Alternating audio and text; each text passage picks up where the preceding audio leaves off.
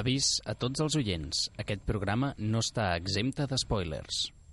Bon dia, això és Etern Desenllaç, el programa dels serièfils d'UPF Ràdio.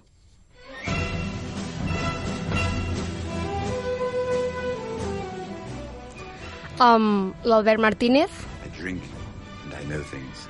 la Marina Vinardell Everybody lies. i una servidora, Clara Vicenç. Challenge accepted. I també contem amb la inestimable presència de Gemma López al control tècnic. No! I això dels spoilers va de debò, oi Albert? Exactament. Si l'avís dels spoilers no us l'heu pres seriosament, heu comès un error. Fer un programa de sèries no té sentit si no es poden comentar els capítols que han impactat més. D'això alguns amics no nostres en saben alguna cosa, eh, Marina? Ja ho pots ben dir, i si no que li preguntin a aquella pobra noia que ens va trobar al tren mentre comentàvem la mort de Jon Snow. Després d'uns minuts plens de spoilers i de dir en veu alta que no es pot anar pel món sense estar al dia de Joc de Trons, la companya de viatge ens va dir que li havíem rebentat al final de la cinquena temporada. Si ens estàs escoltant, ens sap greu. Me encanta que los planes salgan bien. I mira que més estàvem avisant, eh? Si és que més, és que segurament s'ho va buscar. Per tant, tornem a repetir que som capaços de comentar qualsevol moment una sèrie que hagin vist. I dit això, comencem. Xim-pum! I per ara, per començar, fem un repàs de l'actualitat en el món de les sèries.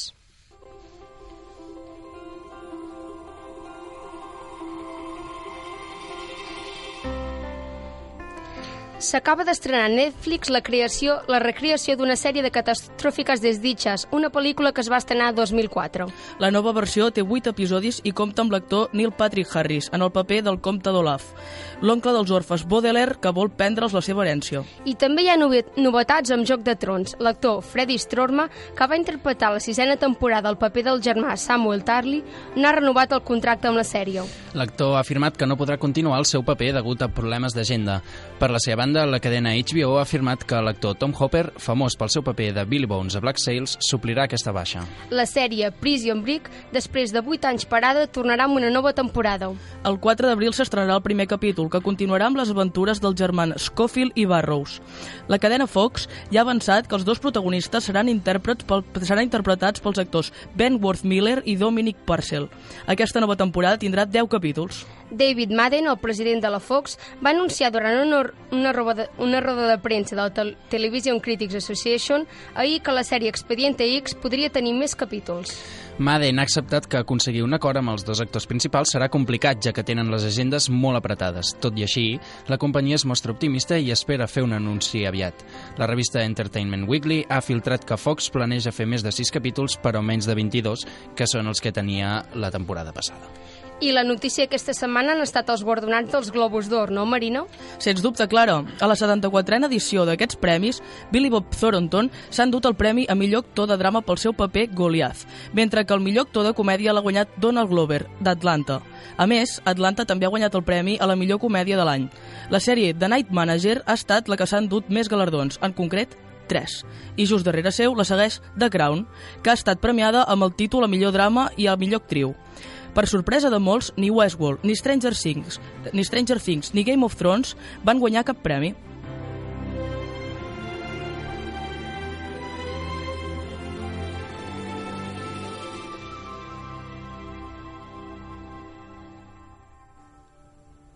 My name is Elizabeth. And long live Queen Elizabeth.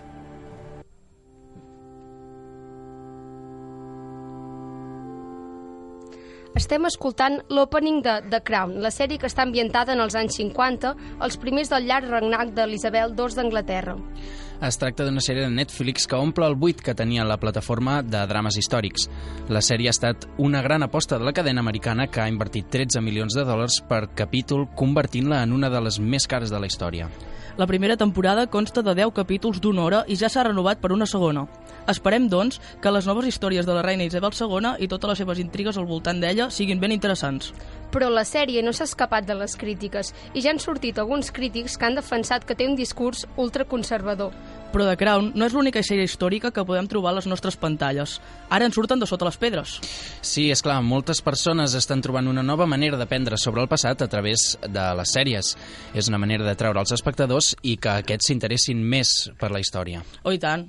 Heu descobert algun període històric en especial a través de les sèries, vosaltres?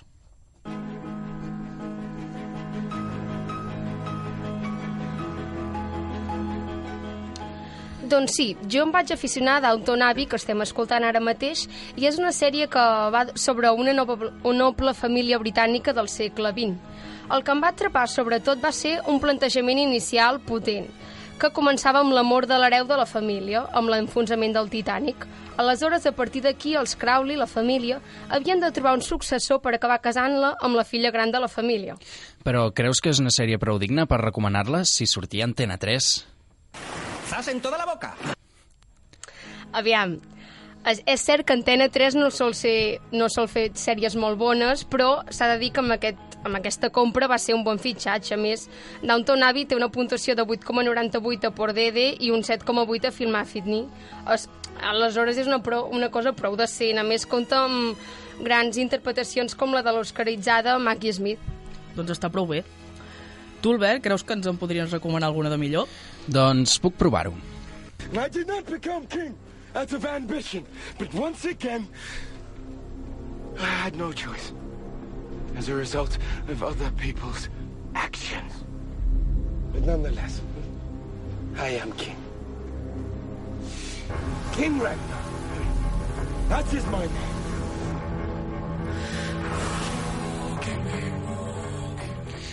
Tot i que la meva proposta es remunta una mica més enllà del segle XX, permeteu-me traslladar-vos fins al segle IX, l'època dels vikings, per, pre per presentar-vos el rei Ragnar Lothbrok, protagonista de la sèrie que porta el nom del seu poble, és a dir, Vikings. I Ragnar va ser un rei viking real? Bé, de fet, és una història semilegendària, així que no sé si considerar Vikings com una sèrie històrica en si. Alguns espectadors comenten que és possible que s'hagin ajuntat en la figura de Ragnar les fites aconseguides per diferents reis. Però tot i així és una gran sèrie i està produ produïda pel canal canadenc History, especialitzat en història i ficció històrica. A més, Ragnar Lothbrok no és l'únic personatge llegendari. Els fills de Ragnar a la sèrie, Bjorn, Ivar, Uwe, Witzerk i Sigurd, són personatges inspirats en fets reals, així com la princesa Auslug. Bjorn i Ivar, de fet, seran dos conqueridors importants en la història vikinga. Sí, com bé dius, està, inter està interessant ara la història. Després de la mort de Ragnar, a l'últim episodi de la sèrie, el que... ara la història continuarà tractant les fites dels seus fills.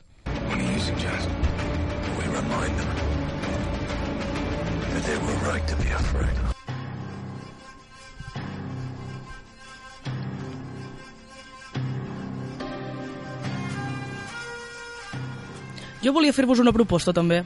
Crec que per la banda sonora podria dir quina és la que parles. Black Sails, no? Efectivament, una de les meves preferides. Una de pirates, i conté krakens com a Pirates del Caribe. Doncs no, Albert, i aquesta és una de les coses que més m'agrada de la sèrie. A diferència de produccions anteriors sobre pirateria, Black Sails és una sèrie que podríem considerar semi-històrica. Semi-històrica? Sí, a veure, Black Sails combina pirates reals com Charles Vane, Jack Rackham, Anne Bonny o el mateix Barba Negra amb personatges ficticis inspirats en el llibre La isla del tesoro com John Silver, uh, Billy Bones o el capità Flint. De fet, la sèrie se situa 20 anys abans d'aquesta obra de Stevenson. En efecte, però tot i això podem considerar-la una sèrie històrica perquè intenta plasmar de forma rigorosa com era la vida dels pirates. Sovint han estat idealitzats com a figura romàntica, però poc en sabem de com era la vida en un vaixell de vela negra. Recomanable, doncs? 100%.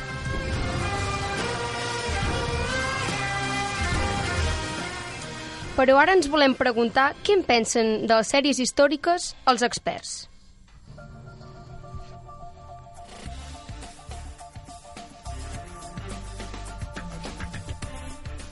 I continuem parlant de sèries històriques i ho fem de la mà de Josep Pic, doctor en Història Contemporània i professor de la Universitat Pompeu Fabra. Hola, Josep. Hola. Bon dia. Bon dia. Um, només per començar, um, com a com a professor d'història contemporània, creu que, que es facin sèries és bo pel tractament de la història o que en fan un tractament molt superficial? Que es facin sèries amb una temàtica històrica, vols dir? Sí, exacte. Eh, depèn. Eh, com totes poden fer sèries bones, no tan bones i dolentes. D'acord. I um, vostè en veu alguna de sèrie històrica?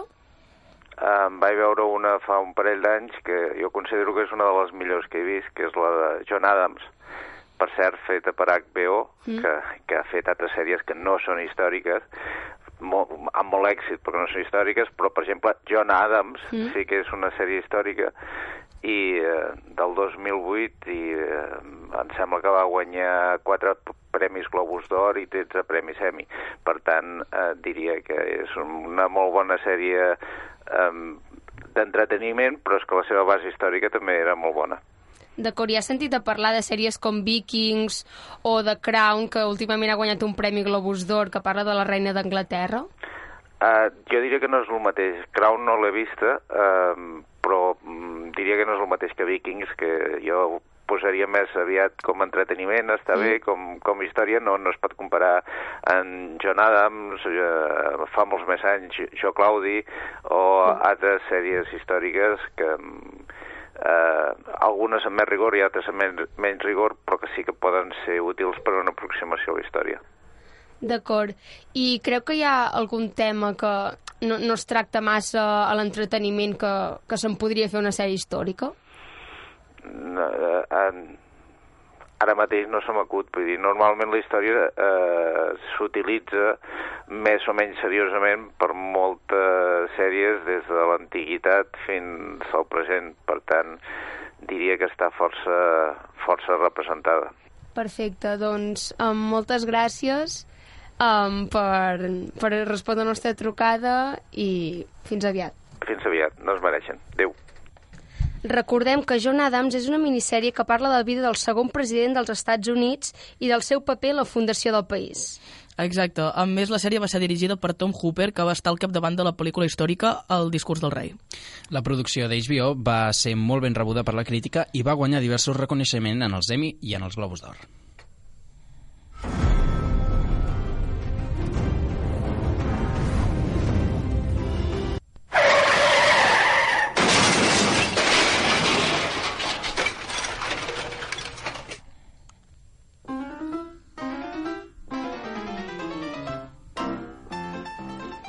Benvinguts a la secció que hem anomenat Sèries Film, on volem dedicar a recopilar totes aquelles produccions que no han acabat de triomfar massa.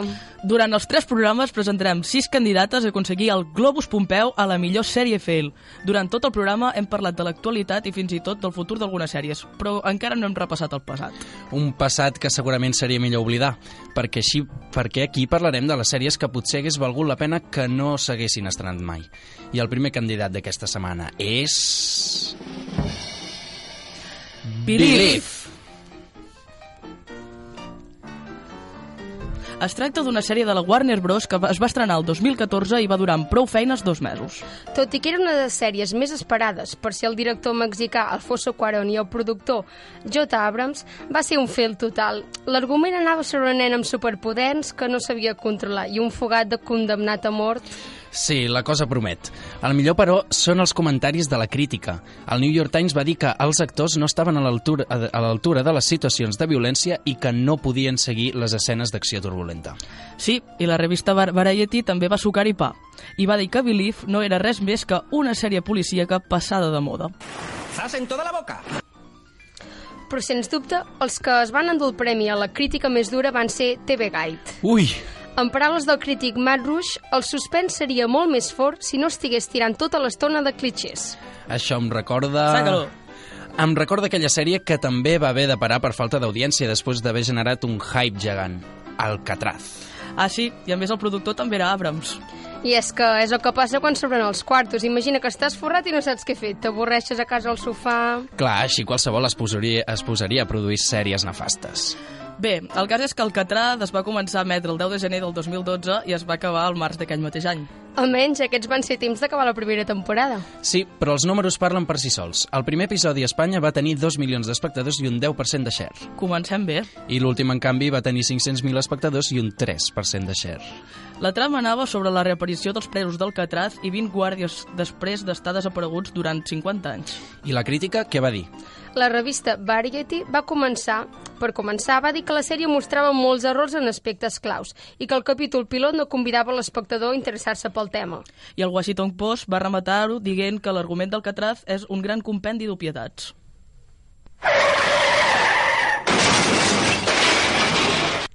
Bé, doncs, fins aquí el nostre tribut d'avui a les sèries Fail. Ara farem una cosa que ens fa especial il·lusió. Resumir una sèrie en un minut. Avui toca... Big Bang Theory. Som-hi! Our whole universe was in a hot, dense state that nearly 14 billion years ago. Sheldon, Leonard, Howard, Rush. Científics friquis amb deficiències socials. Penny! Projecte d'actriu frustrada que treballa de cambrera. Un bon dia, el sol brilla i les molècules es begulluguen quan una veïna anomenada Penny apareix a la vida de quatre científics. Les hormones de Leonard es trastoquen, ennubulant el seu brillant intel·lecte i trastocant el seu treball. La ciència ja no és el mateix. Però l'efecte somnolent de la revolució hormonal de Penny no s'atura aquí. L'epidèmia s'extén. Howard i Rush cauen presos a les urpes de la terrorífica veïna sexy.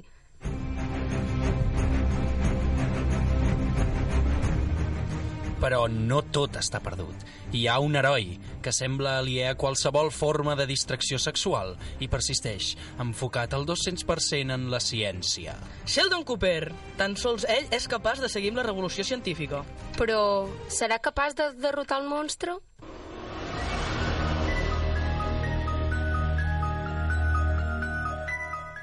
Sembla que no. El monstre Penny no venia sol, i la seva companya és encara més terrorífica. Té un nom estrany, alguna cosa similar a Amy Farrah Fowler.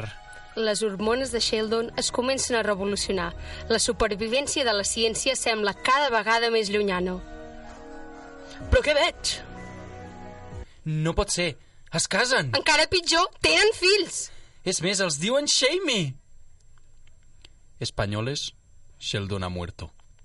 Whole universe was in a hot, dense state that nearly 14 billion years ago expansion started. Wait, the earth began to cool, the autotrophs began to drool, Neanderthals developed tools, we built a wall. We built the pyramids, math, science, history, unraveling the mystery that all started with a big bang.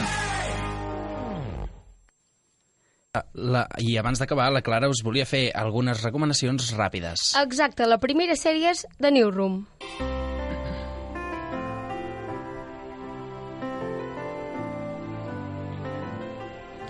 És una sèrie perfecta per a periodistes. Durant les, les tres temporades que va durar la ficció, va estar explicant com és la vida darrere de les càmeres de les persones que fan uns informatius televisius.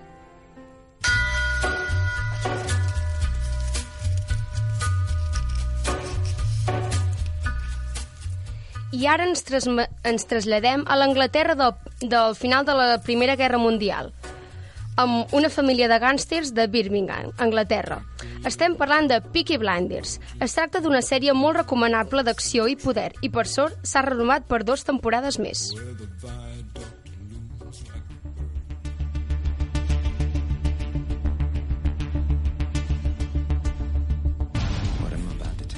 I canviant completament de registre, estem escoltant l'opening de Mr. Robot, l'història d'un hacker que és reclutat per una misteriosa banda que pretén fer saltar el sistema capitalista. La sèrie va molt més enllà de la crítica a grans multinacionals i s'ha convertint també en una anàlisi dels problemes psicològics del protagonista. La sèrie, la tercera temporada, s'estrenarà aquest 2017 i els seus fans ja esperen les noves accions d'Eliot, la Darlene i tota la resta.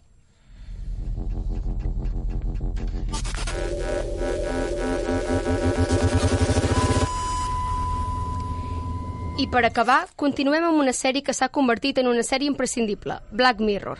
La crítica de la societat arriba amb una visió apocalíptica del futur, que fa reflexionar sobre la influència de la tecnologia a la nostra societat. El nom de la sèrie ja és una declaració d'intencions, ja que Black Mirror, mirall negre, vol ser aquella pantalla freda i brillant que tots tenim sempre a la mà o a l'escriptori. Tanquete ha muerto. Ha muerto Tanquete. Ha muerto Tanquete. I amb aquesta mítica frase acabem el primer etern desenllaç de la temporada. Ens veiem aviat, serièfils.